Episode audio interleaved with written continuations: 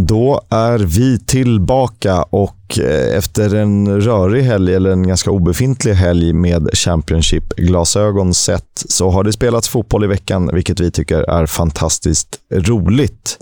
Eh, men vi ska börja i en annan ände, eh, som också är rolig och jag tänker att du får äran att ta över ordet, för vi har en ny samarbetspartner, Leo. Ja, vi har ju det. Vi kan ju faktiskt glädjande nog meddela att vi går in i ett samarbete med O'Learys.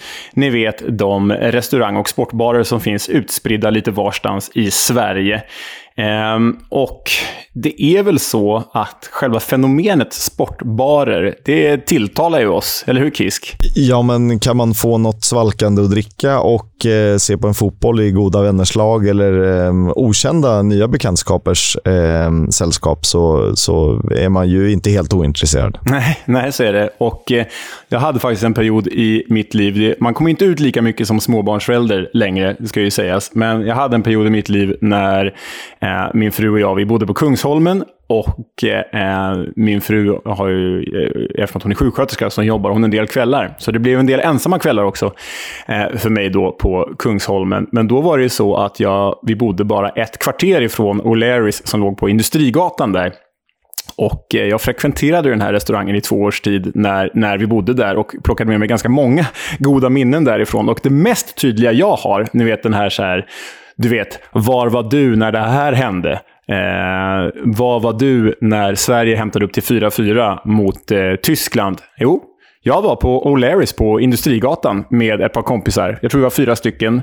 Två av dem gick hem i paus, medan jag och den andra satt kvar och fick se Sverige hämta upp eh, underläget till 4-4 i Tyskland. Erik Hamréns enskilt största bragd i karriären, får man väl säga, vad det är nu värt. Men framförallt så är det ett väldigt varmt minne jag har med mig från O'Learys. Och ni vet ju att O'Learys finns ju som sagt på väldigt många ställen eh, i Sverige. Inte bara på, på Kungsholmen, utan eh, finns lite överallt. Så gillar ni sport och eh, gillar ni att äta mat så är ju det att rekommendera.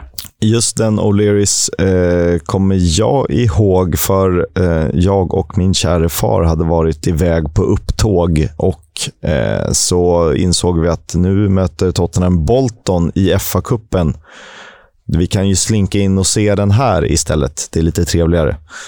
Eh, och Den matchen kommer man ju främst ihåg för att Fabrice Muamba eh, lyckligtvis klarade sig från eh, sitt hjärtstopp och eh, lever och frodas hyfsat än idag.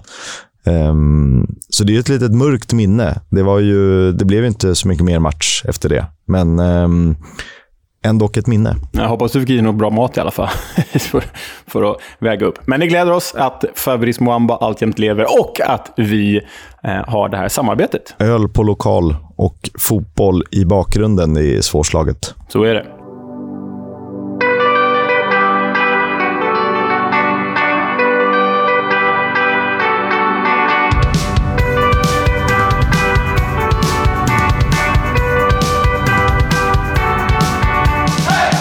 Du lyssnar på Football's Coming Home, en podcast om Championship, League 1 och League 2 med mig, Oskar Kisk. Och Leonard Jägerskiöld Welander. Närvarande. Som alltid. Eh, tråkigt att det inte blev någon helgomgång, men ibland skönt för vårt kära körschema, för det eh, kortas ju ner ganska så drastiskt. Och Eh, på något konstigt sätt så känns det inaktuellt, även om det är bara tre dagar sedan den där helgomgången spelades. Men vi har ju en veckoomgång att avhandla, så vi dyker rakt in i tisdagen och så tycker jag att vi börjar med den senaste matchen, den, den, den sista som spelades på tisdagskvällen. Det var den som också tv-sändes sändes ett Lancashire-derby mellan Preston North End och Burnley. Ja, och eh, jag vet inte riktigt vad som var rubriken här. Att Preston återigen släppte in ett mål, eller att Burnley bara gjorde ett. Eller att de faktiskt hyllade den numera bortgångne Queen Elizabeth och eh, ja, egentligen hela kungahuset genom att ha en riktigt maffig version av nationalsången nere på gräset för, precis före avspark. Och jag tycker att vi kan lyssna lite på hur det lät när hela Deepdale slöt upp.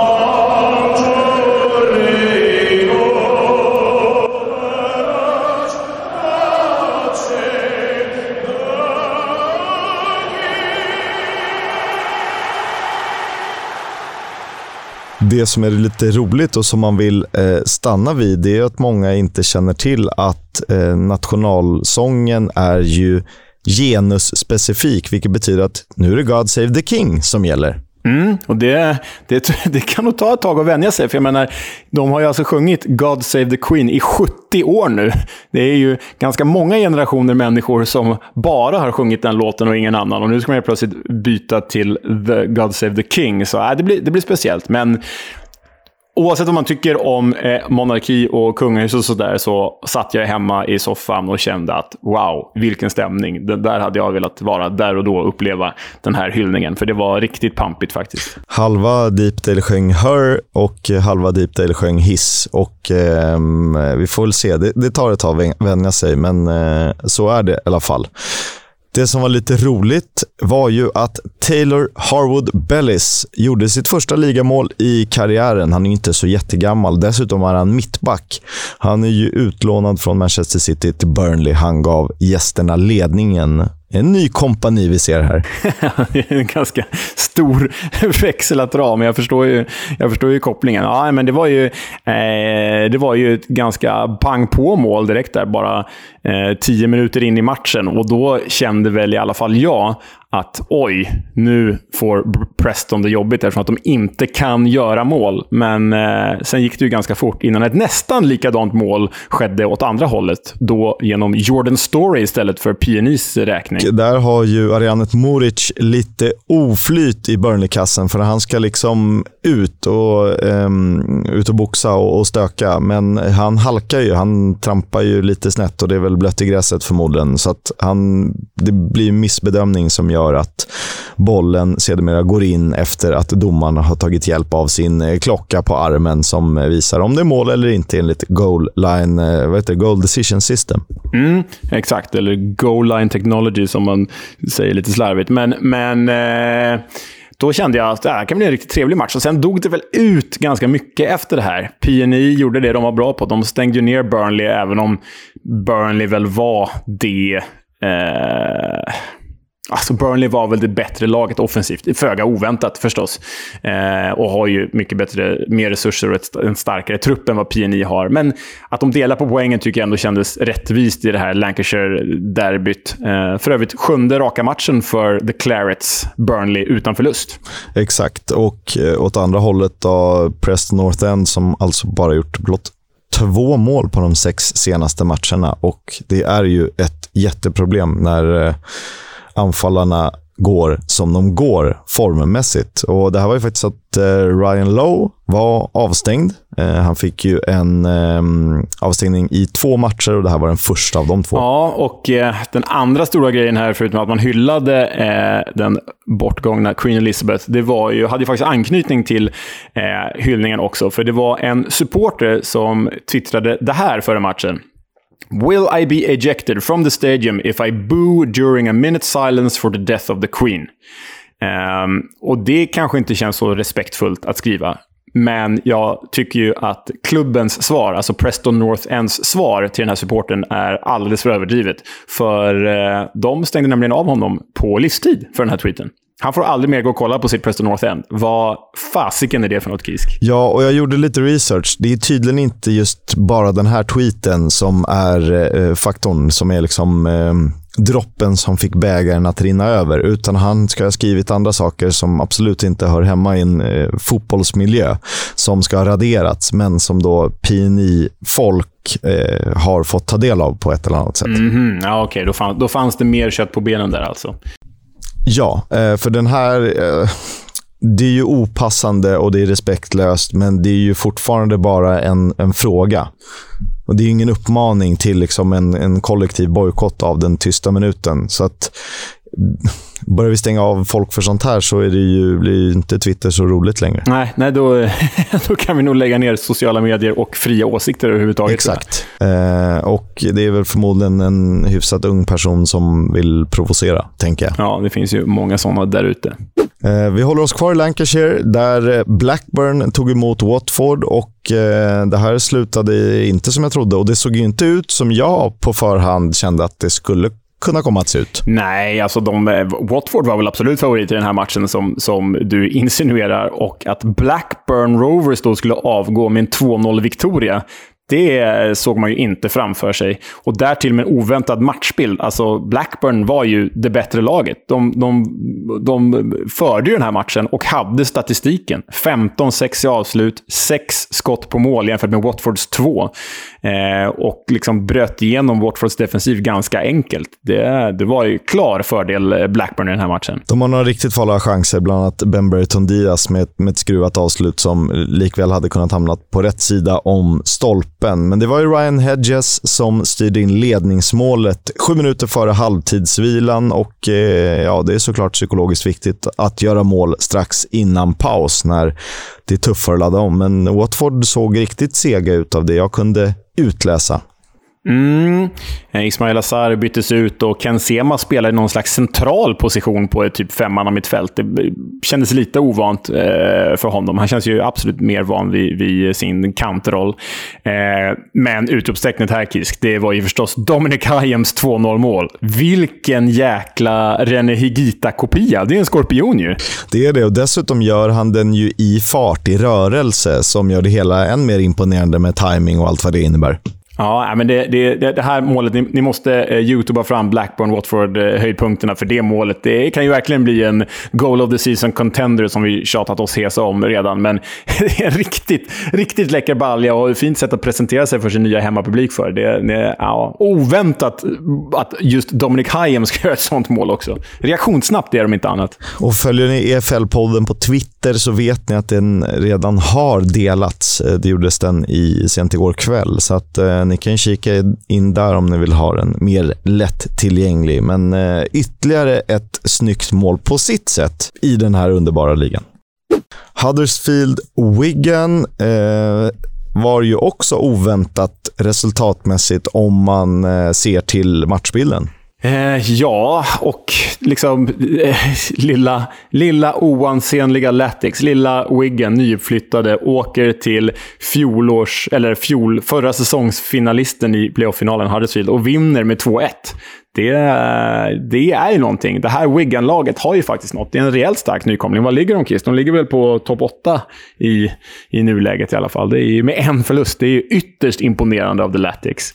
Eh, jättefin start. Och det här är lite som eh, matchen mot Luton som de ju faktiskt vände och vann. Um, inte helt olikt, även om det, um, de tog ledningen här när Will Keane satte en bombastisk straff rakt upp i krysset efter att Luke Mbette hade kapat Callum Lang.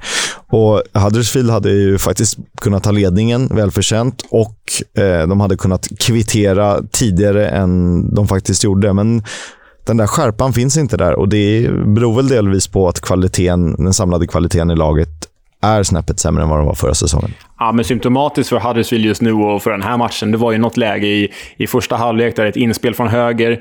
Eh, jag vet inte vem det är, men det är en, det är en Huddersfield-spelare som stormar fram och skjuter bollen över från typ målgårdslinjen. Och hade han bara släppt bollen så stod Sorba Thomas där med ett i princip öppet mål. Eh, och Sorba Thomas fläkte ut armarna och blev riktigt förbannad över det där. Så det känns som att eh, de skapar ju lägen i varje match, faktiskt. Men det är mycket iver och det är lite kyla och eh, man bör nog vara rätt orolig för The Terriers. För de ligger ju näst sist i nuläget med, vad är det, fyra inspelade poäng och eh, det är, en vändning ser inte ut att vara nära, om vi säger så. Det gör det definitivt inte. Och eh, Kollar man förra säsongen så var de ju ruskigt effektiva. Då vann de ju matcher med 2-1 eh, genom att de var ruskigt mycket effektivare än många av sina motståndare. Och Nu skapar de en handfull chanser, bra sådana. Eh, men de förlorar med 2-1 mot, på pappret, eh, sämre motstånd. Eller mindre klubbar om vi räknar med att Wigan har eh, klivit upp en division inför det här. Mm. Ja, men eh, som du var inne på, just den här matchen så hade de en del chanser. Den gamle Jordan Rhodes prickade ju ribbans undersida.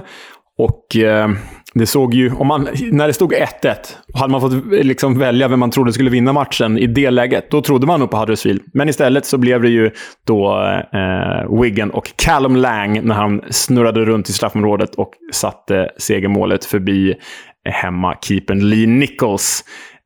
Um, ja, stark Victoria Wiggen, onekligen. Det var det och eh, det har ju varit tyst minut runt om på arenorna i Storbritannien och Eh, det som var lite speciellt här var väl att båda lagen stod med eh, armarna om varandras axlar. Eh, förutom en spelare, James McLean i gästande Wigan, som valde att ställa sig en halv meter från närmsta lagkamrat. Han är ju född i Derry i Nordirland och redan där har vi att det är blir speciellt. Han har ju inte heller velat spela med den här poppyn på tröjorna som är um, till minne av um, de som stupat i kriget för England. Exakt. Nej, han är ju väldigt eh, politiskt tydlig med var han står och väldigt tydlig med vad han tycker om eh, det han och många andra kallar för det engelska förtrycket av Irland.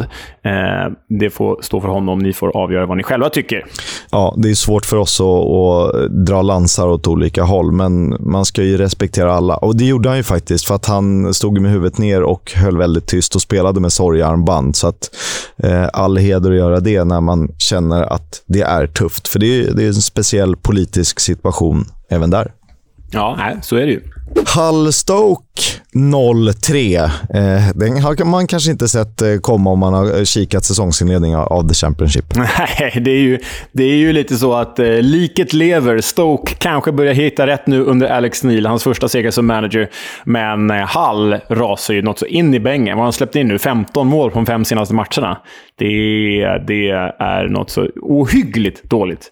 Men... Eh, om vi ska vända tillbaka till segrande Stoke. Visst gillar vi när Lewis Baker skjuter från distans? Ja, och eh, om vi säger så här. Han, han är ju tvåmålsskytt här. Eh, det ena är ju en frispark som han har lite flyt med, som ställer Matt Ingram. Det andra skjuter han från hyfsat nära håll. Och Sen har han väl en två, tre bössor till eh, under matchens gång som absolut hade kunnat resultera i mer än ingenting. Och så spelar han ju faktiskt fram eh, Ben Wilmot till det tredje målet, alltså 2-0 målet. Mm. Äh, men eh, det här såg ju, som sagt, Stoke har ju flyt med första målet och det kanske förändrar matchbilden helt och hållet. Men det här är ju en stark seger av Stoke. Och nu har ju Alex Neil haft lite tid på sig att eh, Eh, få spelarna med sig och få fram sitt taktiska upplägg och vad han vill. Så det ska bli spännande att se vad Alex Neil kan göra med detta Stoke som faktiskt på pappret borde vara en playoff-utmanare. Och Hall du var inne på det, nämnde honom i, eh, inför säsongen i eh, guiden, tror jag det var, när du eh, trodde att Shota Arveladze skulle kunna bli en av de först sparkade tränarna. Och eh, Man blir nog inte förvånad om han kanske blir den andra tränaren som får sparken den här säsongen, för det ser ju inte bra ut nu för Tigrarna. Nej, det gör det ju inte. Även om de hade bollen i havet här och en Estopinan-chans som jag eh, tyckte touchade stolpen innan den eh, gick ut. Det gjorde den. Um, det gjorde men i övrigt såg det inte så jätteljust ut och de har faktiskt hållit nollan. Blott en av de 14 senaste hemmamatcherna. Och um, hemma, Vinna hemma och kryssa borta brukar ju vara ett segerrecept för många lag, men inte för Hall. Nej, inte för Hall. Det, är ju, ja, det är svängt om det här gänget i den här säsongsinledningen, men om Estopinian inte är vass, då verkar de inte göra mål och bakåt läcker de som ett såll. Och jag bara väntar på att Nathan Baxter ska komma in i målet istället för Matt Ingram, för jag tycker att Matt Ingram inte är den starkaste målvakten i den här serien. De är ju också målgladast i hela serien med 11 gjorda och 18 insläppta. Och det är rätt konstigt för att eh, Estopinan har gjort sju mål och de har plockat tre segrar, ändå minus sju i målskillnad. det är otroligt. Ja. Ja, det, det, det är svagt defensivt, det kan vi vara snälla och säga i alla fall. Eh, ett annat lag som eh, var svaga defensivt, åtminstone i första halvleken på hemmaplan, det var Middlesbrough som eh, tog emot Cardiff. Mm, och det var en jäkla målfest, men i fel bur, i alla fall mot vad man trodde. Nu är det nog dags för Middlesbrough att börja bli oroliga på riktigt, för Middlesbrough gjorde ju två och Cardiff gjorde tre. 3-2 till Cardiff på Riverside, det var nog inte många som hade med sig. Och då ska det ju sägas, jag sa ju det Kisk, säsongens värvning. Nu klubbar vi honom som det redan efter en halvlek spelad. Två assist i startdebuten för Callum Robinson i Cardiff. Mm. Han spelar fram både Callum O'Dowda till 1-0 och Mark Harris till 2-0. Men eh, Cardiff gör en bra halvlek, men jag tycker också att Middlesbrough gör en bedrövligt dålig halvlek som eh, ger Cardiff möjligheten att se bättre ut än vad man kanske egentligen är. När Perry and G eh, får sätta 3-0 precis före halvtidsvilan. Och Det eh, resulterade naturligtvis i kraftiga burop och jag gissar att det kom en och annan hårtork i paus flygande. Ja, nej, men det här är ju under all kritik för ett Middlesbrough som har satsat mycket, som har satsat i tunga namn på pappret. Sen är ju vi oense om det är ett bra fönster eller inte, men det är i alla fall stora namn som har kommit in. Eh, ett Middlesbrough som bara var ett par poäng från playoff i våras och ett Middlesbrough som väl har, på pappret, seriens bästa tränare Chris Wilder. Eh, nu kämpar de ju helt plötsligt... De ligger ju i bottenskiktet och det är ju alldeles för svagt med den här truppen. Rodrigo Muniz, mål igen. Han gillar att göra mål, men vad hjälper det när, när eh, de ändå förlorar med 2-3? Och eh, ja, jag vet inte fan vad, som, vad det här Middlesbrough ska ta vägen. För det borde ju, alltså tittar man på pappret så borde det ju fungera bättre, men det gör inte det. Det gör inte det, så, så, så eh, vi får se. Men imponerad av, av eh, Cardiff. Men jag tänkte på en sak när jag såg de här höjdpunkterna. Nu babblar jag här, men eh, påminner inte Middlesbroughs försvar i den här matchen om Liverpools mot Napoli i förra veckans Champions League. Helt håglöst, går inte in i kamp, närkamperna, jobbar inte och låter motståndarna bara valsa igenom. Som att har gett upp på förhand. Ja, och det här med driva boll i dåligt tempo hemåt. Johnny Howson där före, före 2-0 målet, va? ja, ja. ja, exakt. Utan någon särskild idé. Det är så här man som tränare gissar att man blir fullständigt vansinnig. Eh, för då är det bättre att skicka bollen, ta ny position, eh, bygga om från ja, grunden. Nej, men det, det, är, det stämmer inte i borrow-lägret, fast det borde göra det. Men att ta typ, nu spelade ju inte han igår, Daryl Lenihan, men alltså han leder ju liksom statistiken för vunna nickdueller. De har ju spelare som har klivit fram. Muniz gör ju mål i varenda match han spelar. Det, det, Ryan Giles, assistkung i serien. Hur kan det här inte fungera bättre? Ja, bedrövligt. Men eh, kan vi slå fast, givet vad vi trodde inför säsongen och det känns som en samlad eh, skara intressenter tyckte, så är ju Middlesbrough den stora floppen hittills. Absolut. Helt klart. Då är det, då är det en det. Det här var faktiskt Cardiffs första seger efter fem misslyckade försök dessförinnan. Så kanske, kanske att CR, vad har han nu på ryggen för typ 47 eller någonting, Robinson? Sånt. CR 47, den är bra. Den är härligare än CR7, det låter bättre. Det är nästan som när Abu Bakar Kamara körde 47 bara så att han kunde köra initialerna AK47. Det tycker ja, jag är. Värsta spelaren i Fulhams historia. Fy fan. Det var väl dessutom i Fulham han fick 47 va? Ja, så är det. Tisdagens sista match att avhandla spelades mellan Swansea och Sheffield United. Ett så kallat Ollie McBurney-derby.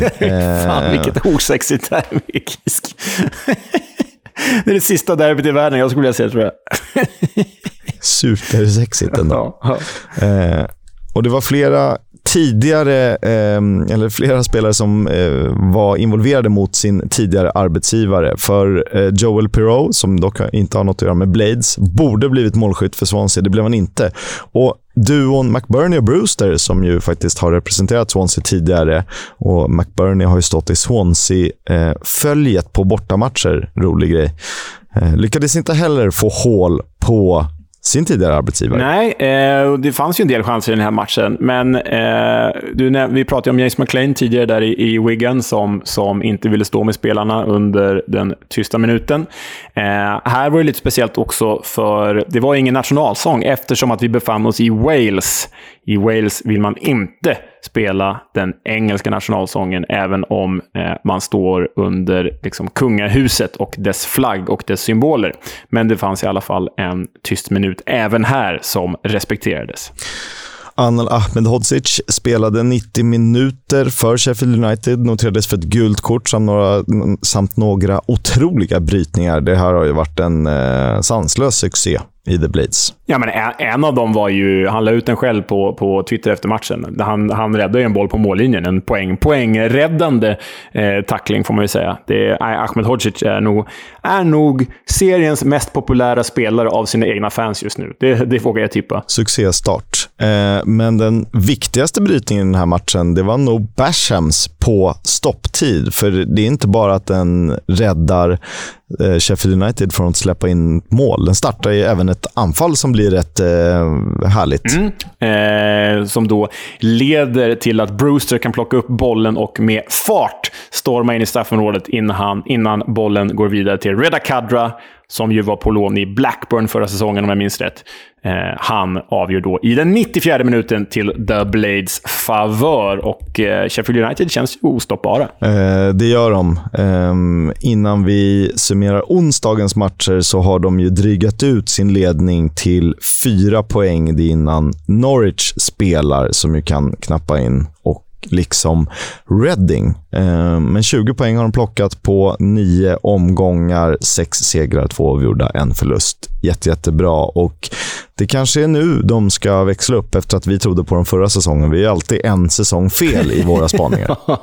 Så jäkla bra. Vi är, bara, vi är klärvoajanta. Vi ser alldeles för långt in i framtiden för vårt eget bästa. Om vi tittar till onsdagens matcher så börjar vi såklart kronologiskt. Först ut Luton Coventry. Det slutade oavgjort på Kenilworth Road och vi fick ju se ett svenskt mål. Ja, men eh, till slut. Vad skönt var efter Coventrys alla sorger och bedrövelser i den här säsongsinledningen. Eh, det var ju redan i den elfte minuten som Victor Gyökeres kunde rulla in sitt första mål i matchen. Men det sjuka med det, Chris, det var ju att det faktiskt var matchens andra mål. För Luton hade ju tagit ledningen redan i den fjärde minuten. Och det var ju faktiskt eh, Viktor Gyökeres blott näst bästa chans i matchinledningen. För han hade ju ett friläge vid 0-0 innan, eh, innan ledningsmålet. Eh, det missar han. Han skjuter utanför, eh, lite slarvigt och opåkopplat. Och Carlton Morris, eh, nästan på vändande, eh, kan göra 1-0 för Luton i den fjärde minuten. då. Och sen Viktor Gyökeres i den elfte. Och hör och häpna, Carlton Morris slår ju till igen redan i 15 minuten. Så eh, tre mål och ett missat eh, Gyökeres friläge inom loppet av en kvart. Det var valuta för pengarna. Ja, det var en hejdundrande inledning där på den här tillställningen. Och eh, vi vi eh, skojade lite friskt med Carlton Morris för ett par avsnitt sen. Avsnittet fick ju till och med, eh, döptes ju till och med i hans ära. Vad kallar vi det? Vassa armbågar och... Styva bröstvårtor styva bröstvårtor, precis. Jag tänkte säga hår i bringa, men styva bröstvårtor. Men det ska sägas att han är ju faktiskt en avslutare av klass på den här nivån också. För det är två bra mål han gör i den här matchen, den gode Carlton Morris. Ja, det, det är han ju verkligen. Um, sen kan man ju sakna vissa delar av spelet och det, tog, det var en liten startsträcka. Lite som, eh, som Nathan Jones har pratat om eh, Colly Woodrow. Och han eh, spelar, sitter ju oftast på bänken, men han är ju ganska övertygad om att han kommer att göra skillnad förr eller senare. Ha lite tålamod bara. Mm. Exakt. Så eh, ja, eh, där finns ju sparkapital för Luton. Men det slutade inte 2-1 den här matchen, utan brasse-holländaren Gustavo Hammer eh, drog ju till med en riktig rackarrökare på Holmgrens språk efter en timme spelad. Det var ett skott utifrån, vill jag lova. Ja, han som eh, väldigt sällan brukar eh, landa bollen i mål eh, själv, utan assist, eh, träffade ju mål och det är otroligt vackert. Ett riktigt wow-avslut. Eh, kommentatorn sa ju dock Ben Heimer och han brukar inte göra drömmål så vitt jag vet. Den gamla Swansea-målvakten alltså. Nej, det, nej, precis. Det är fel Heimer. Um, för övrigt Coventrys första poäng sedan premiären. Och jag vet inte hur orolig man bör vara för Coventry. Det har inte sett jättebra ut de matcher de har spelat, men hur många matcher ligger de efter? Två slash tre matcher. Ja, men precis. Så de har ju matcher på sig att ta igen där och de känns ju inte lika hopplöst dåliga som Huddersfield ännu i alla fall. Nej, det tycker jag inte att de gör. Eh, och Huddersfield är, är lite oflytsgänget den här säsongen hittills, men eh, om Coventry kan eh, vinna eller ta sju poäng så har de ju lite häng uppåt. Och det finns andra lag jag är mer orolig för som vi kanske ska komma till eh, lite längre fram eller som vi har, redan har avhandlat.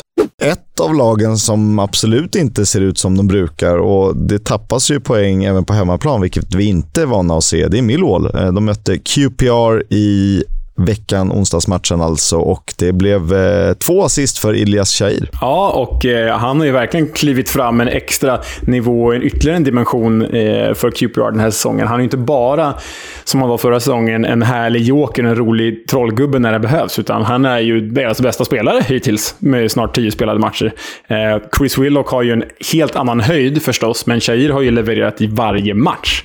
Eh, ser riktigt fin ut. Här spelar han ju fram då både Chris Willock och Stefan Stefan Johansen och blev därmed matchvinnare på The Den. Ehm, jag vet inte, gällande Millwall Kisk, vi pratade inför säsongen att visst, tappet av Jed Wallace skulle vara enormt, det visste vi. Men vi tänkte väl oss ändå att de skulle nå någon slags eller ja, eh, pratade vi till och med om att de skulle gå för en eventuell playoff-push och du var lite mer reserverad, men ändå övre mitten typ. Eh, med tanke på att de har ett Gary Rowett-byggt lag, det är tryggt och det är stabilt och ja, men det är lite fyrkantigt innanför lådan, man vet vad man får, men det, det är stabilt. Men den här säsongsinledningen har inte varit särskilt stabil.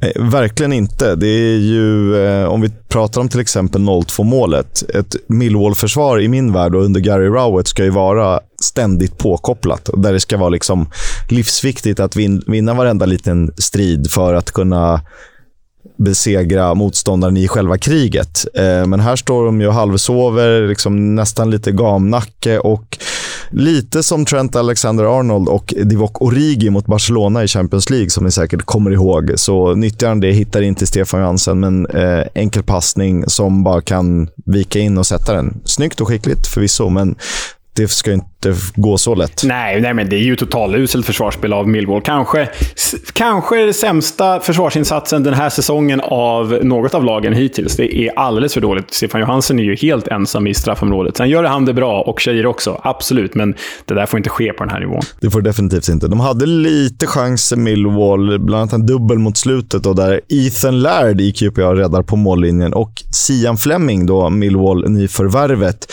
nästan sköt sönder ribban. Jag var lite orolig att den inte skulle klara sig. ja, Kisk.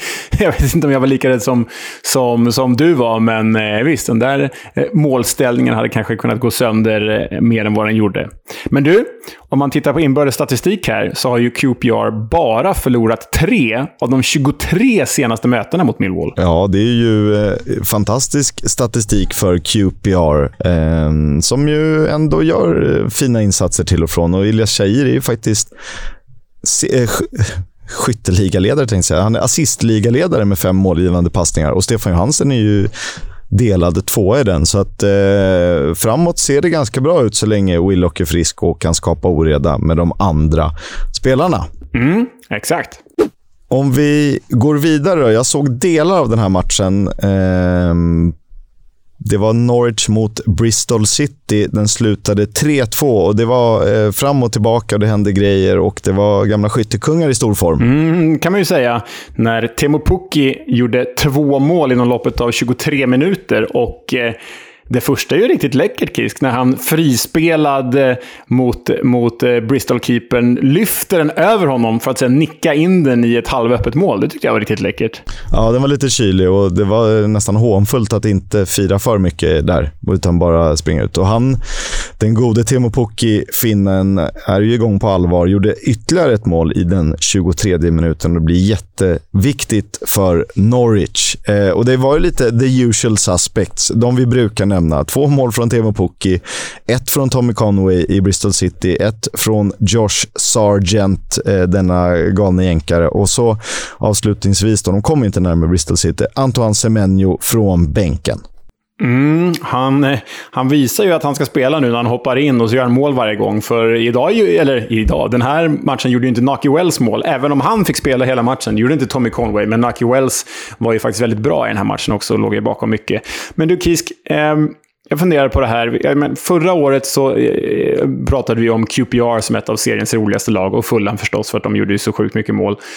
Men är det här säsongens två roligaste lag? Norwich och Bristol. Vad är det vi fick se i, i, i veckan? Ja, men det tror jag nog. För eh, till skillnad från typ Burnley som spelar någon låtsas, låtsas tiki-taka som de insett att de inte mäktar med. eller Watford som har legat på rulle ganska mycket och, och har en trubbig defensiv. Så har ju Norwich väldigt många underhållande och sevärda spelare. Eh, anfallstrojkan där och Marcelino Nunez och kan byta in en Gabriel Sara. Ja, exakt. Och det finns ju en, en jäkla tyngd. Skillnaden på de här två lagen är ju att liksom Norwich har en enorm tyngd och förstås en mycket större budget. Så liksom, truppbygget är ju bättre. Men ur ett rent underhållningsvärde så är det ju... Ja, det, vi rekommenderar er som inte tittat så mycket på Norwich eller Bristol City att göra det, för ni, ni kommer nog bli glada. Och så spelar de i Samba de Janeiro när de gör mål. Det har blivit 15 fullträffar hittills för Norwich alltså.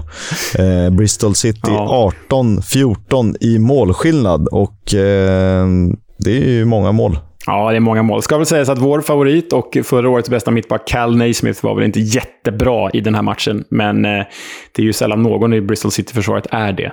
Nej, det, det, var ju liksom nyckelvärvningen, men han är ju mer en kraft framåt på frisparkar och liknande, eh, som han ju faktiskt slår med sin vänsterfot.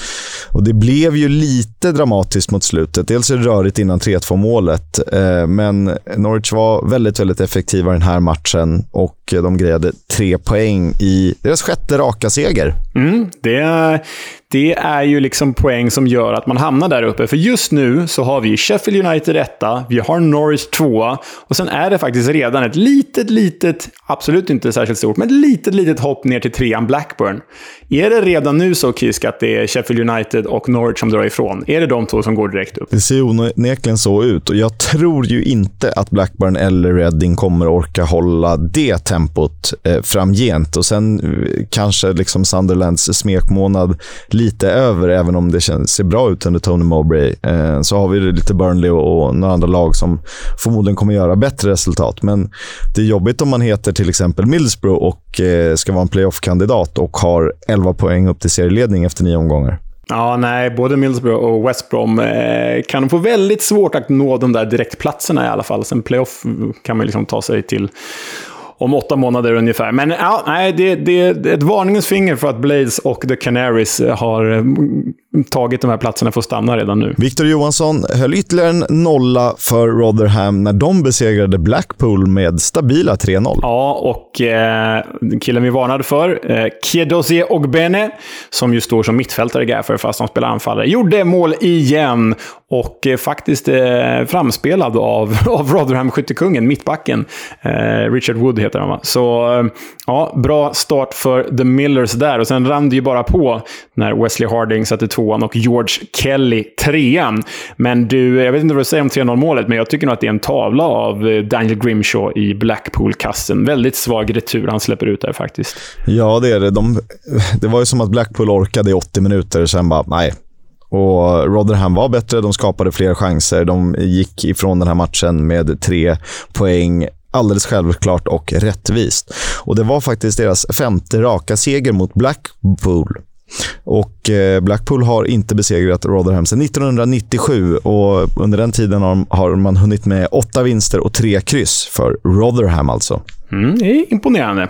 Det är det, det i det lilla. Eh, Reading flög ju fram i, under säsongsinledningen. Det har Sunderland till viss del också gjort. Eh, under onsdagskvällen så möttes de. Jag såg den här matchen. Det var ju tv-sänd i Sverige. Roligt. Och Sunderland tog med sig mycket folk. 2000 pers. De fyllde borta sektionen eh, trots onsdag kväll och tur returresa på cirka 10 timmar. Ja, men det är ju dedikerat och det är ju det Sunderland har. Sunderland är ju liksom något helt annat än många av de här klubbarna. Något helt annat än Reading som ändå är en liksom relativt stor klubb på den här nivån. Men Sunderland är ju en klubb för, faktiskt på riktigt, den övre halvan i Premier League när det kommer till följe och tryck. Sägs ju vara en av de bästa platserna att, att kolla på fotboll i, i England ju, på grund av stämningen. Så nej, det är ju häftigt att Sandland har en tusenhövdad armé med sig. Och eh, det såg ju väldigt bra ut också eftersom att de ledde med 2-0 redan i paus. Genom den gamla Fulham-talangen Patrick Roberts två mål, 39 41 minuten. Och målen såg ju i princip likadana ut. Vek in från höger och placerade in den i vänster. Det gjorde han och det var ju trots att Ellis Sims hade tvingats kliva av skadad i den 37 minuten. Och han ersättes ju av Elliot Embleton som spelade fram Patrick Roberts båda gångerna. Mm, och eh, då är det värt att påminna om att The Loch Ness Drogba, den stora skyttekungen i Sunderland, saknas ju på grund av skada. Så när Sims gick ut så var det ju ett helt nytt anfallspar på topp för Sunderland än vad de har spelat under tidigare delar av säsongen. Eh, och sen 3-0 målet, Chris, det vet jag att du gillar. Ja, det, det är jätte, jättesnyggt. Eh, enkelt, effektivt, men ändå snyggt. Där man liksom har råd med, inte klackar kanske, men, men snygga skarvningar och eh, rörelse, få tillslag och förmodligen kommunikation. Eh, nycklarna i, i fotboll eh, på alla nivåer. Och Det är Jack Clark, gamla Spurs-talangen, som får avsluta anfallet med en smidig liten touch och sen kan han bara rulla in bollen. Ja, riktigt, riktigt läckert faktiskt. Eh, och detta var ju eh, Reddings första poängtapp eh, hemma, på hemmaplan den här säsongen på det som tidigare hette The Madejski Stadium. Eh, faktiskt mer oväntat att de hade gått hundraprocentigt innan än att de tappar poäng nu. Men det är ju värt att bokföra att första tappade poängen för The Royals hemma. De är ju svårbedömda som varvar playoff-prestationer med totala bottennapp som knappt håller kvar dem i League One. Och eh, jag vet inte, jag tycker att det känns som att Championship är mer svårbedömt än på länge. Alltså det är helt, eh, inför helgen, det är helt ovisst hur det ska gå. Man har inte en aning. Det är det enda man vet. Ja, men, fram, ja, men framförallt är det väl, om man jämför med liksom förra året, att eh, vi kanske får två lag som drar iväg i topp då, det får vi se. Men om man tittar på botten i år, jag tror att det är, är det är klart att det kommer finnas skikt, men det känns som att det, det var ju ganska tidigt tydligt förra säsongen att vi hade fyra bottenkandidater eh, förra året. I år kommer det vara fler. Och det kommer nog avgöras senare vilka som överlever och vilka som åker ur. Skulle ja, och lag som Birmingham och Cardiff till exempel, och Blackpool givet deras ganska tunna trupp och, och, och fattiga budget eh, ska ju kunna vara där. Men nu skiljer det inte så mycket. Det skiljer ju två poäng från plats 22 upp till plats 13. Så visst, det är tajt, men eh, lag som man inte trodde skulle plocka poäng har ju faktiskt öppnat helt okej. Okay. Ja, men verkligen. Jag, jag, det känns som att den här säsongens The Championship är det som Annie Lööf vill att Sverige ska vara. Den breda mitten. ja, det är bra. Härligt, en lite positivt politiksurf för en gångs skull. Eh, du, jag skrev ju till dig i veckan att Joe Lumley, Reddings målvakt, som du tycker är för dålig för den här nivån och jag kan vara beredd att hålla med. Statistiken talar kanske för det. För inför veckoomgången, eller efter veckoomgången faktiskt, jag har kollat upp dem, eh, så ligger han näst sist i räddningsprocentligan med blott 51,7 procent. Men bara en målvakt är sämre. Vet du vem det är? Nu måste jag, måste jag fundera lite. Vänta. Vi måste bara, först måste jag liksom njuta av det här. Alltså, inget ont om Fumlige Lumli. Han, han är ju bra med fötterna, har vi faktiskt hyllat honom för. Men det känns ändå bra när man har en sån här känsla och till och med vågat peka ut någon. Och så är han så dålig, 51,7 procent. Men det är ju alldeles för svagt. Men det är också häpnadsväckande att Redding då ligger så bra till. För då kan de inte släppt till många chanser. Om han bara räddar 51 procent. Exakt. Och Tänker du på hur du själv har tänkt så borde du veta vem som är sämst i räddningsprocentligan. Okej, okay, ett lag som inte släpper till så många chanser, men som ändå... Snarare att du var rätt på det inför säsongen. David Button, West Brom. Ja, det är det. Han har 47,8 procent, så att han släpper in aj, fler aj, skott än han räddar. Aj. Aj, aj, David Button. Och han hade ju faktiskt inte en särskilt bra dag på jobbet den här veckan heller. Det hade han inte. Ja, äh, kul att vara rätt ute med kassamålvakter. Det gläder mig. Det är kanske en ny spaning, Leos målvaktsskola. För det blir ju en fin passage över till eh, veckans sista match, West Bromwich Albion mot Birmingham. Ett West Midlands derby. Jag hoppade in lite där i slutet efter att Norwich eh, Bristol City var över. Den var för rolig att inte titta på. Det här var ju också ganska underhållande om man gillar mycket mål. Och vi fick se en hattrick-hjälte i Scotty Hogan. Ja, det hade man ju inte förväntat sig. Alltså, det känns ju som att det var... Han gjorde väl typ tio mål förra säsongen i och för sig, men han känns ju mer som en tremålsskytt på en hel säsong. Eh, nej, eh, men eh, oerhört överraskande och sett till matchbilden inte särskilt rättvist heller. Alltså, West Brom hade ju mer. Och de hade ju virkesträffar och eh, mycket chanser återigen. Men det ska ju bokföras att Birminghams kontringsspel rev ju sönder West Broms försvar som smält smör. De hade ju inte en chans mot eh, stora klumpar som Troy Deeney och Scott Hogan som bara rusade igenom deras öppna ytor. Så nej, det känns som att Steve Bruce och hans defensiv blev väldigt synad i det här derbyt. Ja, eh, jag tycker inte bara att det är Birmingham som gör det bra. Steve Bruce hyllade ju Troy Deeney efter matchen snarare än Scott Hogan och sa att han var nyckeln till segern. Men jag tycker att försvarsspelet är ju bedrövligt. Ja, nej det är... Alltså det är... Man, de kliver inte in i duellerna. Jag vet, kommer inte ihåg om det är Scott Hogans andra mål i så fall, då 2-1, eller om det jag tror kanske till och med 3-1 målet när jag tror att det är Jonino Bakuna som spelar fram. Och det är liksom inte riktigt där, när man skulle kunna vara där om man tar ett steg rätt och liksom orkar den sista. Ja, nej men det, det kan vara ett tecken på att de har tappat förtroendet för Steve Bruce. De orkar inte spela eh, för honom längre. Eller så är den här du vet, klassiska sjukan. Jag menar, på pappret har ju West Brom ett lag gott nog för en Premier League-botten. Det har de ju faktiskt. Har de en, uppdaterar de David Button till en bättre målvakt så har de gott nog för att kunna klara sig på 17 plats i Premier League. Typ. Så manskapet finns ju där, men det kan ju också vara att de är för trötta. De är för gamla, de är förbi, de är passé. Alltså, jag älskar Jake Livermore, jag älskar Matt Phillips och den, några mer sådana spelare. Men många av de här har ju redan varit där. De har redan gjort det. Och det finns ju exempel på när det blir en sån här alldeles för rutinerad kompott spelare. Nej, då finns det ingen hunger längre. Kolla på Derby nu i League One, som liksom satsat stort på bara massa gamla 30-åringar som har varit i Premier League. Och så går det åt helvete, för hungern finns ju inte där. De har redan gjort sitt. De är nöjda. Och det kan vara lite som i West Brom också. Det kan vara, sen, samtidigt tycker jag, så här, du vet, Carlen Grant, Grady Diangana, eh, Brandon Thomas Asante, eh, Daryl Dike spelar ju inte så mycket kanske, men Jed Wallace, John Swift. Alltså, så gamla är de inte. Vi pratar ju om spelare i sin prime, typ 24 till 31. Ja, nej, det, det, det, absolut. Det finns det ju i det här laget också. Eh, och, och, höjd. Så är det dåligt sportcheferi om man inte har värvat för funktion, utan om man har värvat personer. Exakt. Och eh, det är ju, det är ju mycket... Det är, ja, det känns som en eh, rimlig analys. Bra Kiss. Eh, det här var alltså första gången på 17 år som Birmingham tog en trea borta mot West Brom. Och eh, det är också rätt sjuka byten i slutet när West Brom jagar både reducering och kvittering. De byter ut Carlan Grant, Kyle Bartley och Taylor Gardner Hickman. De tar in Jake Livermore, Matt Phillips och Erik Peters. Vad är det? Det är så 400 Premier League-matcher. Jo, det är det ju. Men det är också 200 år tillsammans. och inte de benen du vill ha in. Nej, nej så är det ju. Konstigt nog är West Bromwich Albion ett bottenlag. De ligger på 20 plats och eh, Middlesbrough ligger på 21 plats. Det hade vi inte kunnat tro inför säsongen. Absolut inte. Ja, efter blott nio matcher som manager för Huddersfield så har Danny Schofield fått sparken. Han har ju varit i klubben rätt så länge, men han fick ju ta smällen efter den tuffa, tuffa sommaren när Huddersfield tappade i princip allt och nu är nästjumbo i Championship. Ja, jag tänker, jag läste precis här. För mindre än en timme sedan så kom det ju då alltså uppgifter om att Plymouths tränare Steven Schumacher är närmast att få Huddersfield-jobbet.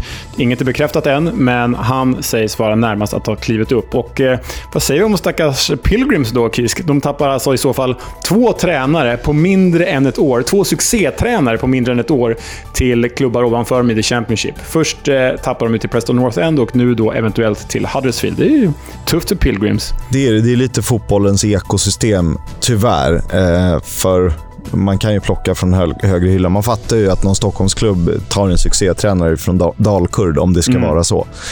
Inga övriga jämförelser, men eh, eh, det är jävligt tråkigt. Samtidigt är det ju ett eh, det vittnar ju om att man har en bra sportslig ledning som hittar eh, rätt managers. Ja, verkligen. Och om vi vänder tillbaka till Huddersfield, så det är inte oväntat att Danny Schofield får sparken, men det blir på något sätt så jäkla orättvist, för han har ju tagit på sig omöjligt uppdrag. Alltså det gick ju inte att göra det här bra. Han kanske hade kunnat göra det bättre, än vad, eller mindre dåligt än vad det har gått. Men det gick ju inte att göra det här bra. Alltså de tappade halva sin startelva, varav alla de spelarna var bland de bästa i hela The Championship förra säsongen. Det går inte att ersätta det på ett bra sätt. Det var som när José Mourinho lämnade Inter och... Eh, men vad som tog över då? Det var... Eh, det var Rafa Benitez, var det inte? Rafa Benitez, precis. Omöjligt uppdrag. För tappa stomma spelare, succétränaren sticker och de har liksom precis vunnit allt som går att vinna. Det går inte att göra det bra. Precis som när man ska ta över efter Sir Alex Ferguson. Det går inte att göra det bra. Så det är väldigt orättvist mot Danny Schofield här, för han har ju fått... Alltså, han har ju fått bajs och, laga mat med. Det är klart att det smakar bajs. Ja, och kollar man i veckan så känns det ändå som att de spelmässigt är bättre. Alltså till och med bättre än delar av förra säsongen när de vann matcher. Men visst, fotbollen är resultatbaserad och eh, jag tror, kollar man en XG-tabell så kanske inte Huddersfield riktigt ska ligga så långt ner efter de senaste matcherna. man skapar ändå chanser, men om du har anfallare som inte gör mål eller spelare som inte pratar med varandra och skjuter på samma boll, är det en tränares fel? Nej, nödvändigtvis inte. Nej. Ja, intressant diskussion. Det här kan man ju prata om väldigt länge. Men om vi fortsätter på tränarspåret så eh, vet de flesta att Graham Potter, tidigare Östersundstränaren, har ju lämnat Brighton för Chelsea. Ett av många namn som kopplas ihop med Brighton är Swanseas tränare Russell Martin. Eh, han eh, sägs vara ett av namnen som de studerar och han medger att han har fått mycket support från just Graham Potter i sin väldigt unga tränarkarriär. Det är många namn som nämns där. Vi får se vem det blir. Erik Peters är klar för West Bromwich Albion på ett ettårskontrakt. Eh, de har dessutom värvat den australiensiska landslagsmittfältaren Tom Rogic efter att hans kontrakt med Celtic löpt ut. Det är väl kanske inte den typ av värvningar som folk trodde när Steve Bruce sa att han ville ha in två, tre nya namn. Nej, det här det är väl lite mer, går i linje med de här killarna vi precis har snackat om. Är de tillräckligt hungriga? Är de lite för gamla? Ja, har de varit bra, men inte är det längre? Ja, intressant. På tal om spelare som har varit bra, som är lite för gamla. Eh, Andy Carroll förväntas skriva på för Reading och det tycker vi är roligt, för han var ju så sinnessjukt bra där förra Ja, hösten. och det ledde ju fram till att West Brom faktiskt gav honom chansen under eh, andra halvan av säsongen. gick väl sådär, men i, i Reading kan han nog funka och de behöver ju spelare när en, om en Lucas Schau måste vila i, i någon cupmatch eller någonting och kunna rotera. Eller så kliver han rakt in i startelvan bredvid Lucas Schau. Mm, just det. Det finns många alternativ. Borough har gjort klart med Massimo Luongo och honom gillar man ju för att han har ju tillhört Tottenham en gång i tiden. Fostrad i The Spurs Academy. Mm. Amadou Mbengue, som tidigare tränat med Reading ett par veckor, har nu skrivit på för The Royals till och med januari. Och han har ju en diger meritlista i och med att han har spelat i Grosny. Det är du. Tidigare Terek Grosny, numera Ahmat Grosny, om jag inte har helt fel. Viktor Gyökeres är uttagen i det svenska landslaget inför Nations League nästa vecka och vi vet ju vad det innebär. Då kommer ju måltorkan. Nej, men skämt åsido, det är välförtjänt för Gyökeres som har eh, haft eh, lite motvind nu under hösten, men ändå visat att han är, har kvalitet för den här nivån. Ja, han, han förtjänar att vara där. Och en annan spelare som hade förtjänat att vara med i svenska landslaget om man bara hade valt det eller om de hade ringt i tid.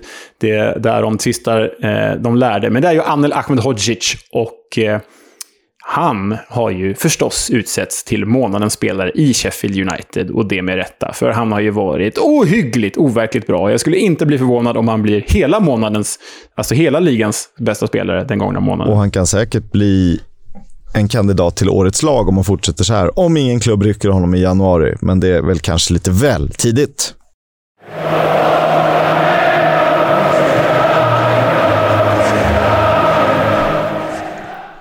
Fotbolls Coming Home sponsras av Stryktipset, ett spel från Svenska Spel, Sport och Casino. För dig över 18 år, stödlinjen.se. 11 matcher från Championship på veckans kupong, vilket naturligtvis är fantastiskt roligt för oss anglofiler. Och höjdpunkten blir ju då match 11, där Watford tar emot Sunderland. The Hornets såg håglösa ut i veckan, till skillnad från ett sprudlande Sunderland. Och eh, Watford ska ju med sin namnkunniga trupp vara stora favoriter. Men det går inte att förringa The Black Cats imponerande säsongstart där det inte verkar spela någon roll vem som spelar. Alla gör po poäng, från Jack Clark till Patrick Roberts. Och Samtidigt, kollar man till Watfords offensiv så har de ju en, en, ett anfall som i form är kanske ligans bästa. Men det gäller inte på pappret när man spelar Stryktipset. Fast det gäller ju att ha koll på pappret för att det här är en riktigt rolig kupong. Vad tänker du om helgen, Leo? Ja, men jag tänker att jag är lite ledsen för att det inte är någon fredagsmatch. Eh, jag är också ledsen för att det inte är en söndagsmatch, men det är för att det är ett landslagsuppehåll. Eh, men jag tänker ändå bryta ut några matcher, för det är en jäkla lördag det här, Kisk.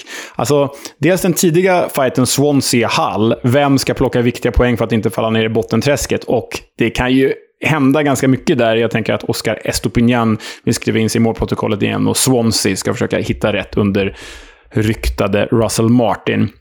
Men eh, du lyfter ju Watford Sunderland. Jag lyfter ju gärna Norwich West Brom. Två olika filosofier möts här. Ett storlag som lyckats ta sig upp ur den dåliga säsongsinledningen och ett storlag som absolut inte gjort det. Det känns som att Norwich West Brom är en kioskvältare utan dess like. Och vill man se mycket mål så är det ju BB-derbyt man ska se. Burnley mot Bristol City.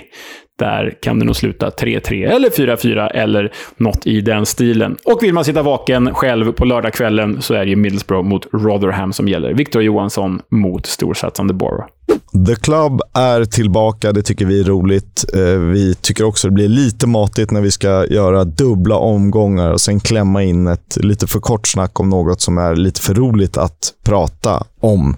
Eh, men jag säger så här, varsågod Leo, ge oss Norwich City. If all flow in, have a lift.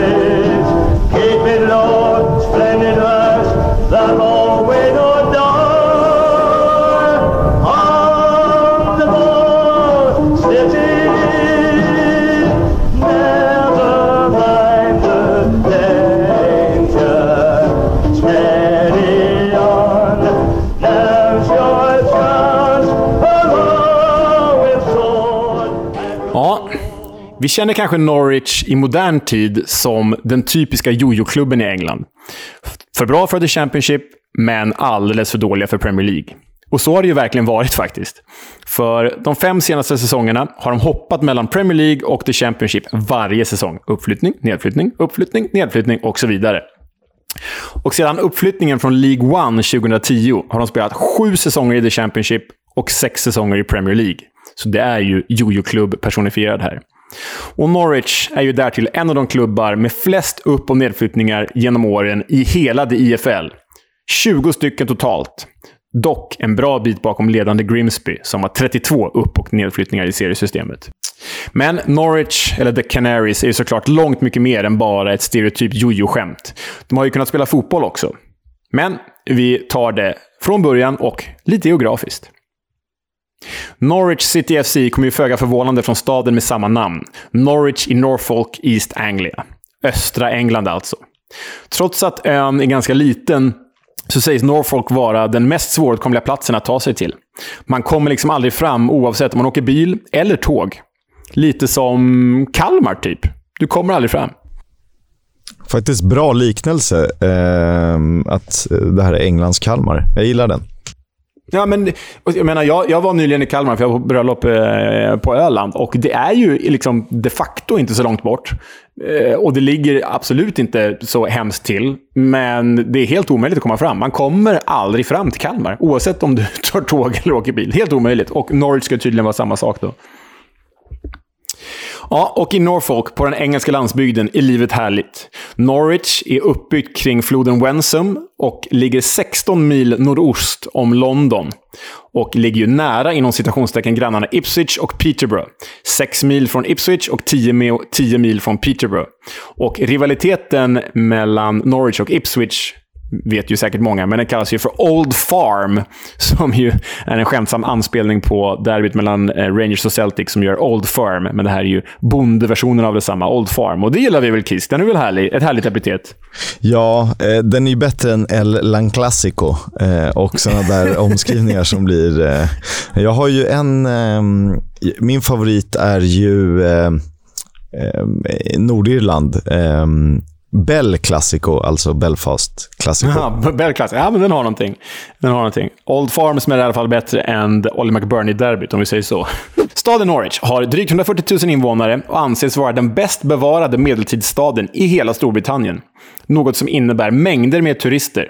Om de nu kommer fram förstås. Norwich stad har utsetts av The Guardian till the happiest place to work in the UK och därtill rankas staden av The Times som en av världens bästa småstäder. Dessutom har staden toppat listan som Best Place to Live tre år i rad. 2018, 2019 och 2020. Så det här är inte vår vanliga fotbollsmisär, Kisk. Det här är något helt annat. Det här är morden i Midsommar utan mord, typ. glädjen i Midsommar. Ja, glädjen i Midsommar. Exakt. Men vi kanske ska prata fotbollen också. North City FC grundades den 17 juni 1902 på The Criterion Café och spelade sin första match i september samma år. Inledningsvis gick laget under smeknamnet The Citizens och spelade i vitt och blått. Men de kallas ju för The Canaries idag och lirar ju i gult. Ja, och det är faktiskt så att smeknamnet kom först och färgerna efter. Så färgerna kom för att de kallades för The Canaries. Mm. För blott tre år in i klubbens existens, 1905, nämndes The Canaries för första gången. Men det var 1907 som smeknamnet verkligen satte sig. Ett smeknamn som kom från kanariefågelstraditionen i East Anglia. Och det låter ju jäkligt märkligt. Men det var nämligen så att det var holländska arbetare som hade flyttat dit på 1800-talet. Och de förde med sig sin kanariefågelstradition. Och bara ett år senare, efter att smeknamnet hade satt sig, 1908, så spelade laget i gult och grönt för första gången för att matcha smeknamnet. Och klubben kom ju där till att spela sina matcher på arenan The Nest, vilket onekligen var passande. 1922 var första gången som klubbmärket pryddes av en kanariefågel, vilket gör än idag, och även om det är en ny version för den här säsongen. Men det kanske mest speciella med Norwich City FC, Kisk och alla ni andra som lyssnar, det är ju att de faktiskt har världens äldsta fotbollsramsa. On the ball City.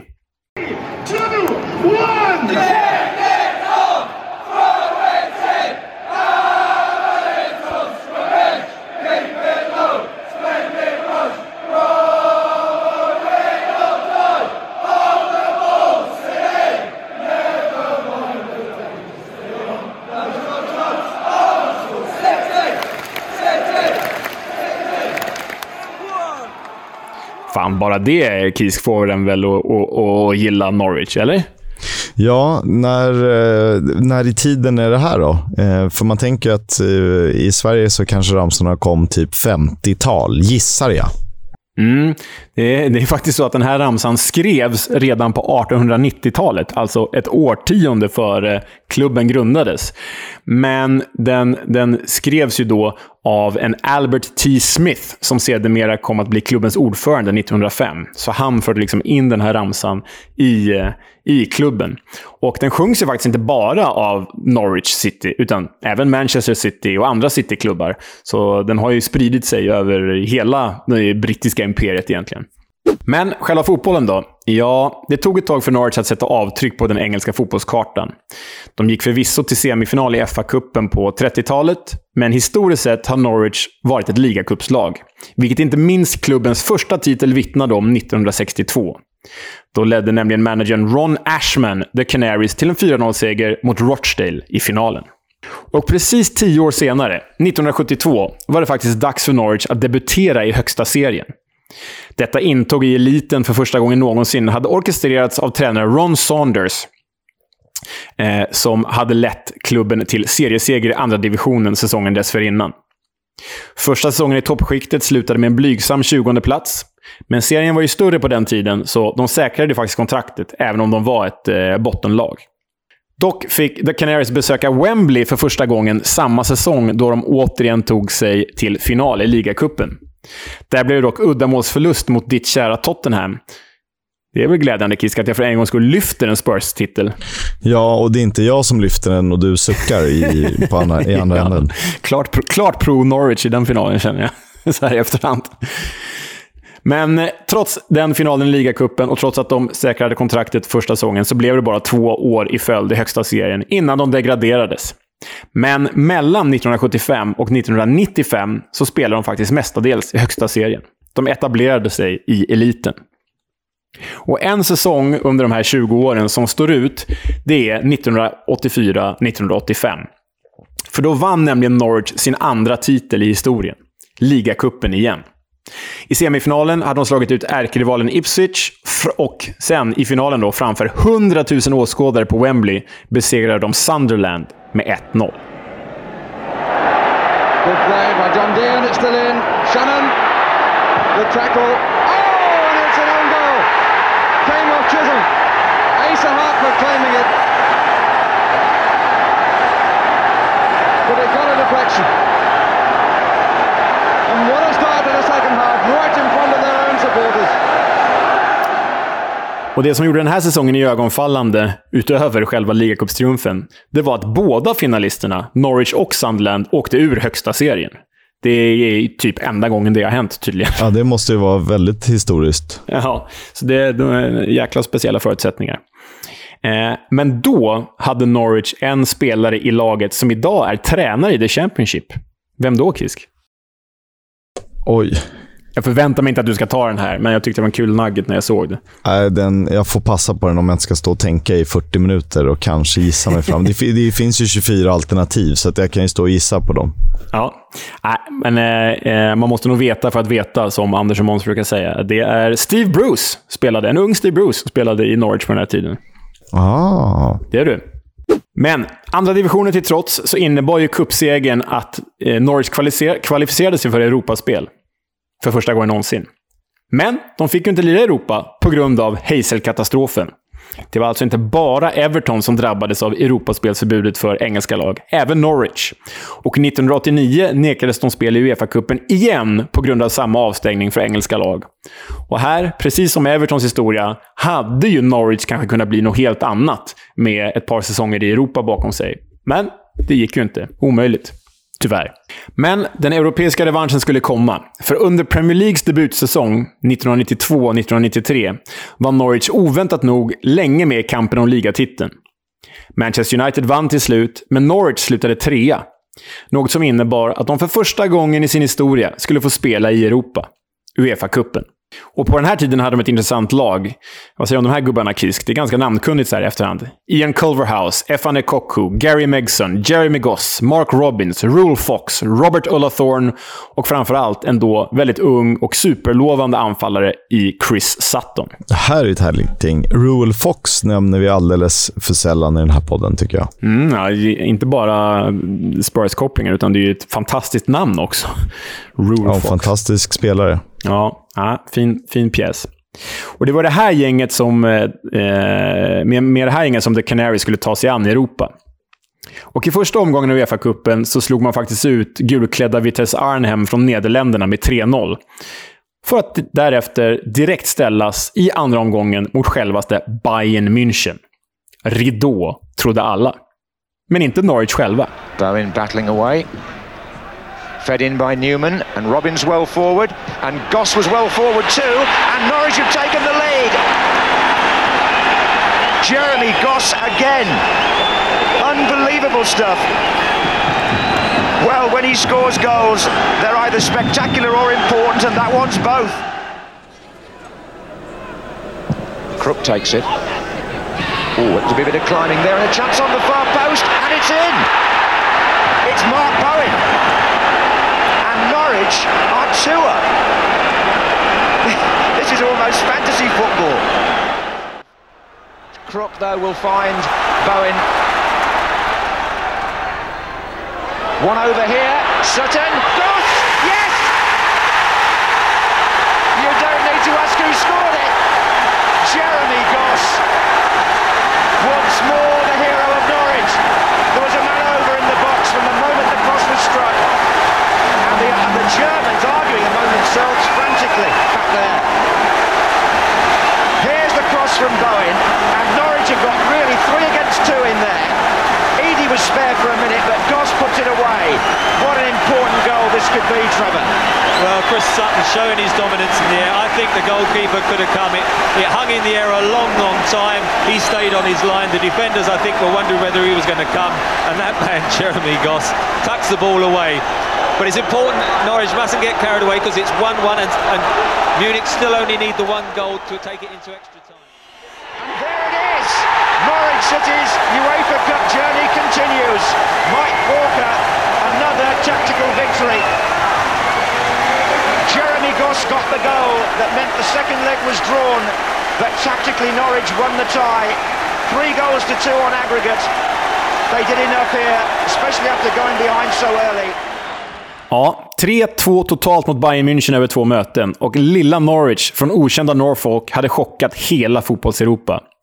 2-1 borta på Olympiastadion och 1-1 hemma på Carrow Road. Och som ni hörde var Jeremy Goss dubbelmötets hjälte med mål i bägge matcherna. Och det här är ju faktiskt till dags dato Norwich absolut största stund. Även om resan tog slut i tredje omgången mot Inter med 0-2 totalt, så, eh, så var det här ju en, en höjd som Norwich absolut inte nått sedan dess. För de har inte spelat i Europa sedan dess. Um, så det får ju sägas ytterst imponerande.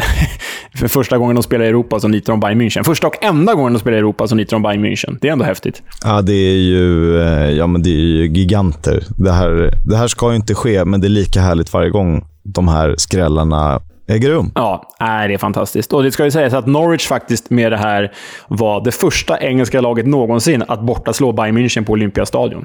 Också en bra nugget. Men istället för vidare Europaframgång och topppositioner i Premier League så gled ju Norwich ner mot den vardag vi känner igen idag. Ibland Premier League, ibland The Championship och det under en väldigt speciell och faktiskt sympatisk ledning. För ägarna idag är makarna Eh, Michael Wynne Jones, som är författare, och Delia Smith, som är en känd tv-kock. Den mest kända tv-kocken i, i eh, England, eller hon var det förut i alla fall. De tog över klubben eh, säsongen 1996-1997 och Michael Wynne Jones gick på sin första Norwich-match redan 1953 och varit klubben trogen sedan dess. Men det är faktiskt hans mer kända fru som styr lite rubrikerna. Bland annat för hennes episka halvtidstal hemma mot Manchester City i februari 2005. Norwich, som kämpade för överlevnad i Premier League, hade tappat 2-0 till 2-2 samtidigt som pressen var väldigt stor på dem. De behövde ju poängen för att överleva. Och då tyckte en något överförfriskad Delia Smith att det var läge att dundra in på gräsmattan i paus och sjunga igång supportrarna.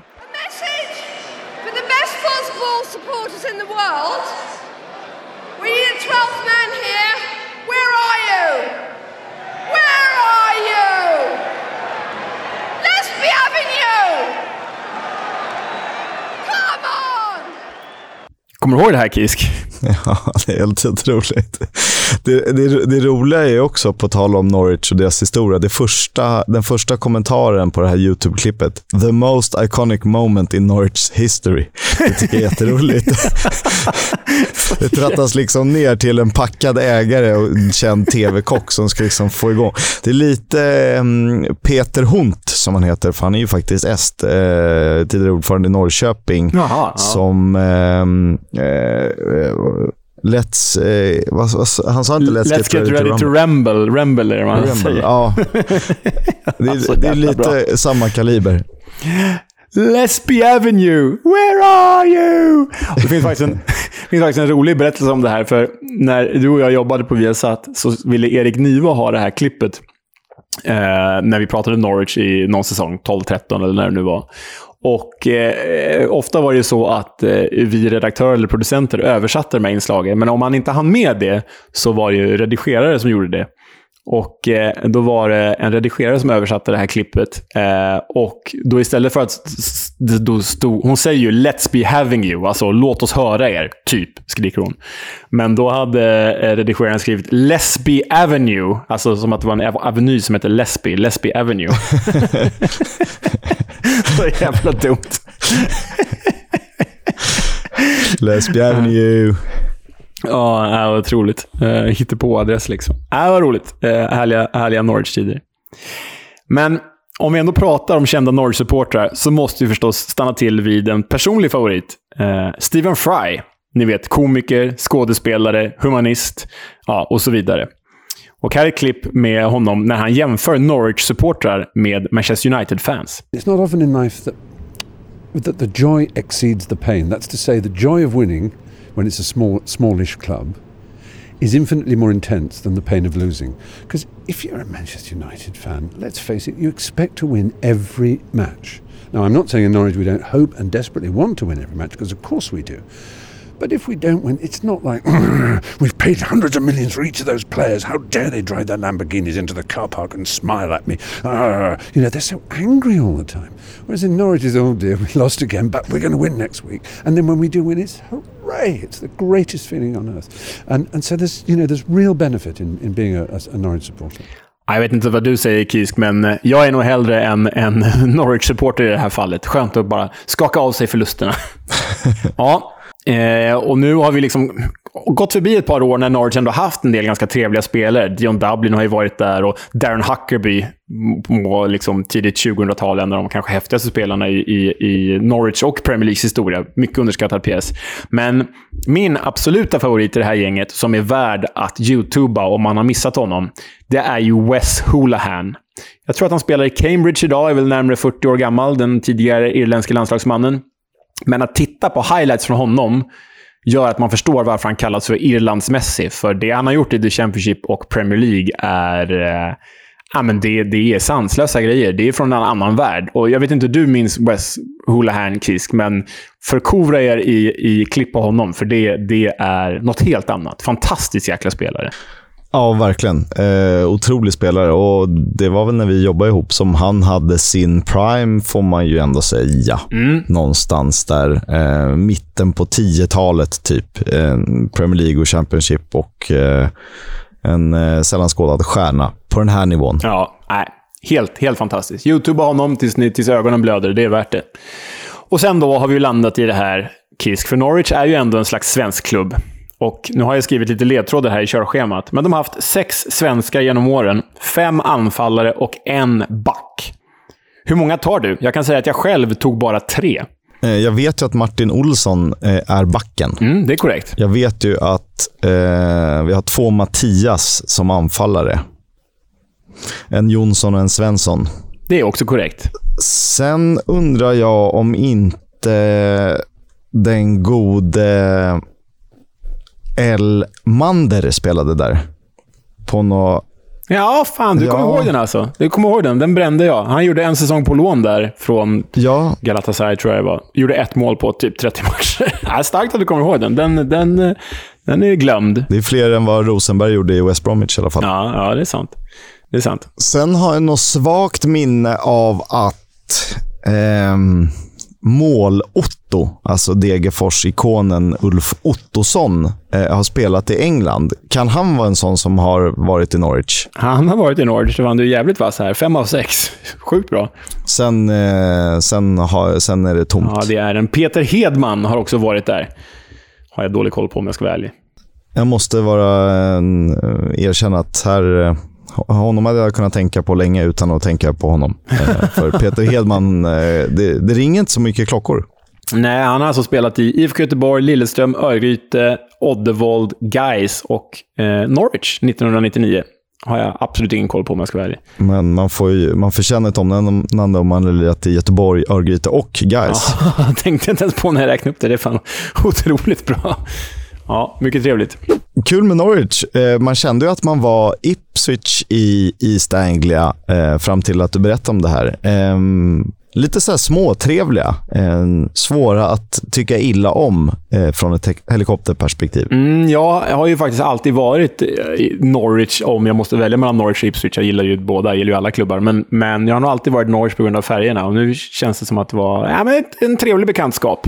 Men ju- sen är det alltid tråkigt med klubbar som är för bra för den serie man följer. De är ju, de är ju historiskt sett för bra för The Championship. Så, men ändå, jag, tycker det är en, jag skulle gärna åka dit på, på något bondderby någon gång. Men frågan är om du ehm, har köpt eh, säsongens tröja, för den är ju fantastiskt snygg. Ja, det är ju eh, Europas eh, bästa tröja den här säsongen. Helt klart.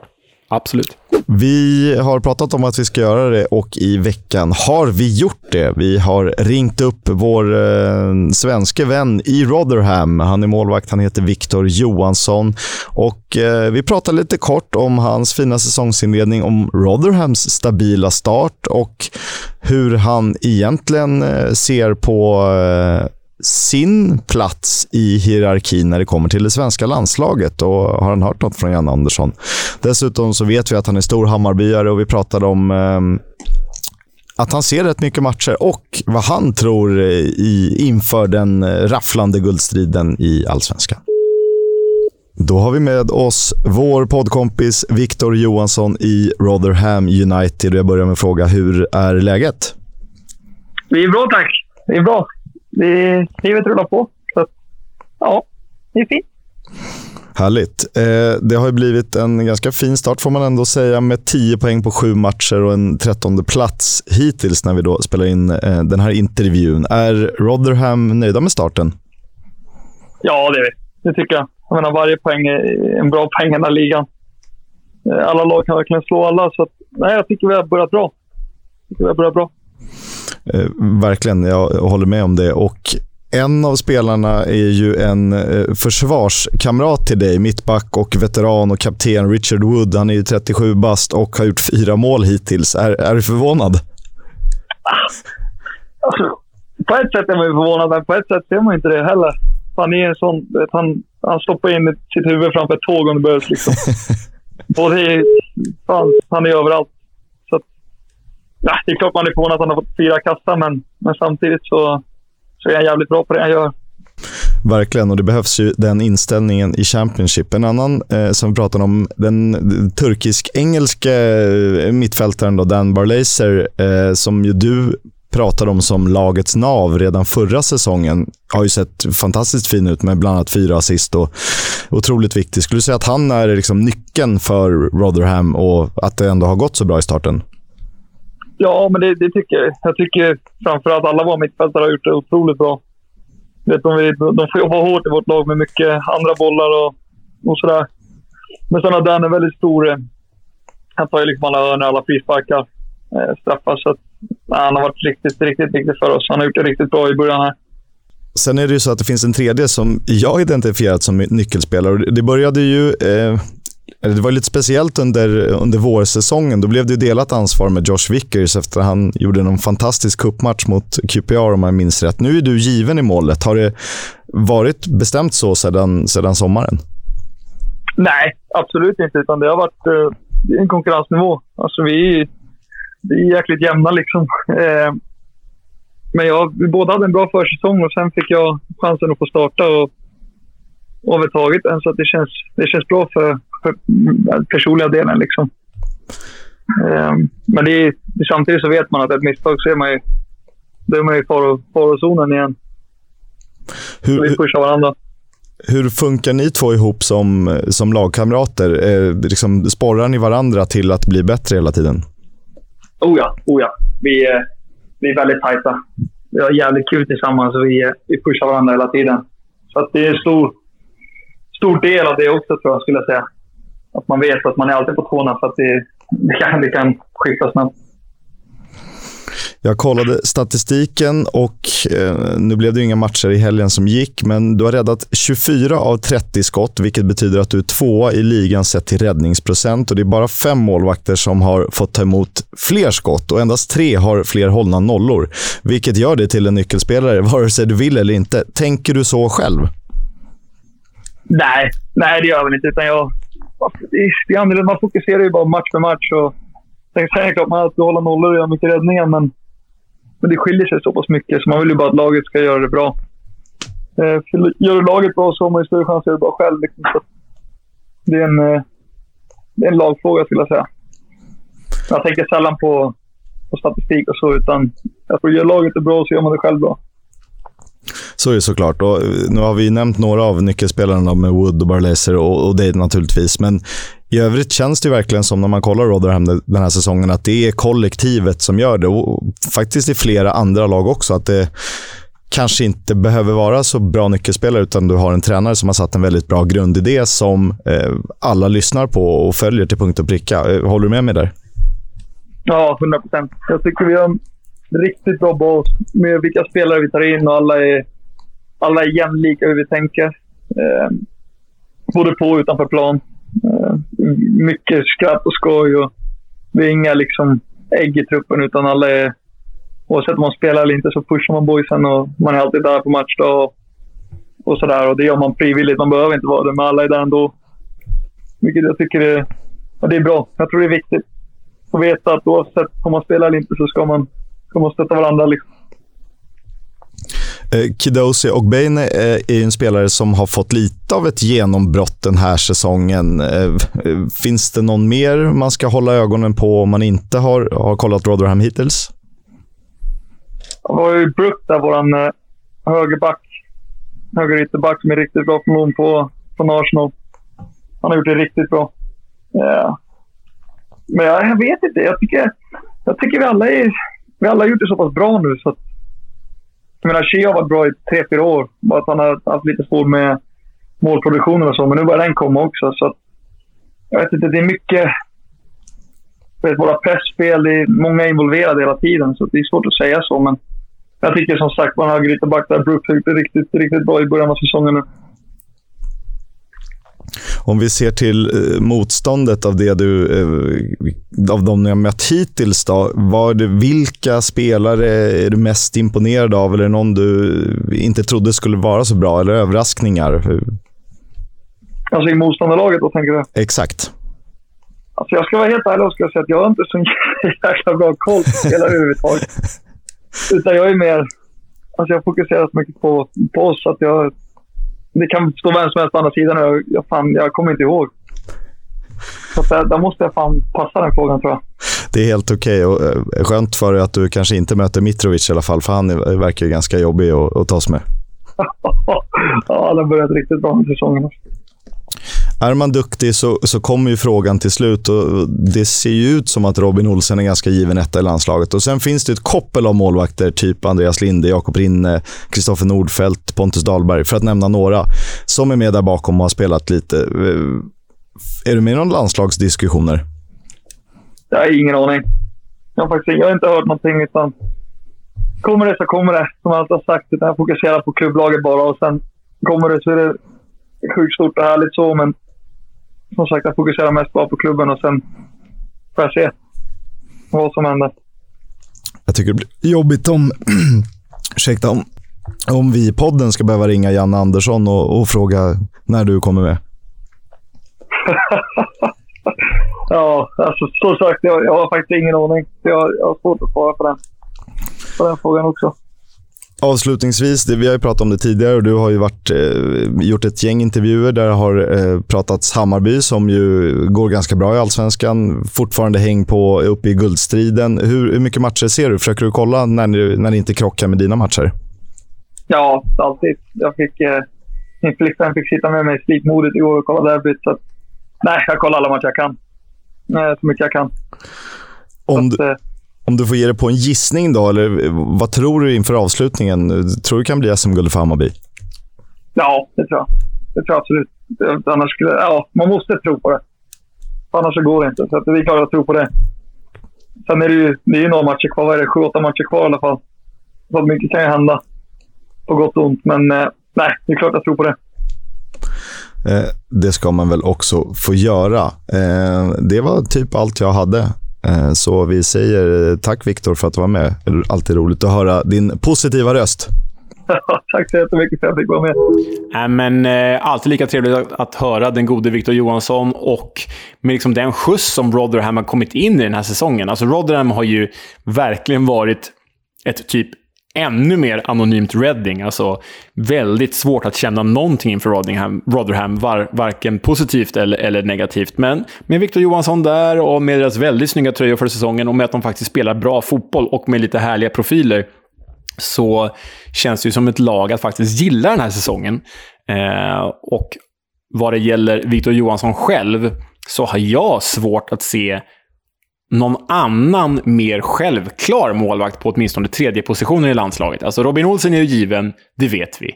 Kristoffer Nordfeldt, så länge han spelar i, i AIK och, och gör det bra, så har ju han sin i position i landslaget också. Men vem är bättre som tredje keeper? Alltså Pontus Dahlberg har ju ett väldigt svagt år bakom sig. Känns väl inte riktigt relevant i nuläget kanske. Carl-Johan Jonsson, som jag verkligen gillar efter hans tid i Frankrike, men han sitter på bänken efter Köpenhamn. Känns inte heller relevant i nuläget. Vad har vi mer för figurer, Chris? Jag ser liksom inte vem... Ja, det är Andreas vem... Linde och Jakob Rinne som har varit lite så här i U21. Eh, sammanhang och i periferin kunnat vara landslagstvåor och treor. Och det är väl, Linde är väl någon slags tvåa om inte Janne går på Nordfeldts liksom rutin och att han gillar honom som person mer. Ja, men Linde är ju förstås, den missar jag. Linde är superrimlig. Han stod ändå Greuther Fürth i, i Zweite Bundesliga och gjorde det bra. Trots att de åkte ut så gjorde han det ju bra i våras när han, när han tog över första spaden där. Så Linde är ju absolut ett namn som jag förstår kan gå före. Men, men om vi säger så här då. Victor Johansson borde vara en av de fyra som diskuteras, tycker jag. Eh, absolut, i allra högsta grad. Och eh, Sen vet man ju inte med olika pandemier och invasioner av andra länder. Eh, det kan ju vara bra att ha folk redo. Sen eh, kanske han inte säger allt i just den här podden och jag tror väl att det säkert finns någon dialog någonstans. Men eh, ja, spännande att se. Jag tycker att han förtjänar att nämnas, såklart. Verkligen. We'll have a chat about the fucking game. About your game, last few months, last few weeks. Fucking character. Ja, Leo, du eh, tog ansvar för att veckans Warnock skulle fyllas idag. Och vad har du hittat? Ja, men jag har hittat, eh, det är inte så galet eller knäppt egentligen. Det är bara ganska roligt. Jag tycker eh, Vincent Kompani är eh, en väldigt sympatisk spelare och han verkar också vara en väldigt sympatisk tränare. För här tar han tillfället i akt att skämta med eh, eh de samlade journalisterna. Och eh, det är ju med eh, en blinkning till eh, alkohol, om vi säger så. This week, you'll have enjoyed a couple of days on the on the training pitch. A novelty. Yeah, I thought you were going to say you'll have enjoyed a couple of days on the piss. it's the way you were building up the... Uh... ja, det är roligt. Ja, nej, det är härligt att bjuda på sig själv ändå. Och för, för er som inte vet vad couple of days on the piss betyder så är det ju ett par dagars fylla. Typ. Det är väl eh, hyfsat rätt översatt. Det är ju, eh, ja, man drar på en bender med grabbarna. Exakt. Eller tjejerna för den delen. Men ja. eh, bästa ramsan som finns i Uniteds I'm gonna go on the piss with Georgie Best. Den, eh, ja, den är härlig. Den gillar vi. Den gillar vi. Eh, hörni, tack för att ni lyssnade. Tack till våra två samarbetspartners Stryktipset och O'Learys. Eh, härligt att ni är med oss och vill eh, höra mer om den riktiga engelska fotbollen. Mm, det uppskattar vi hjärtinnerligt, både er och de som hjälper oss med detta. Vi hörs! Upptäckta vägar, de han tar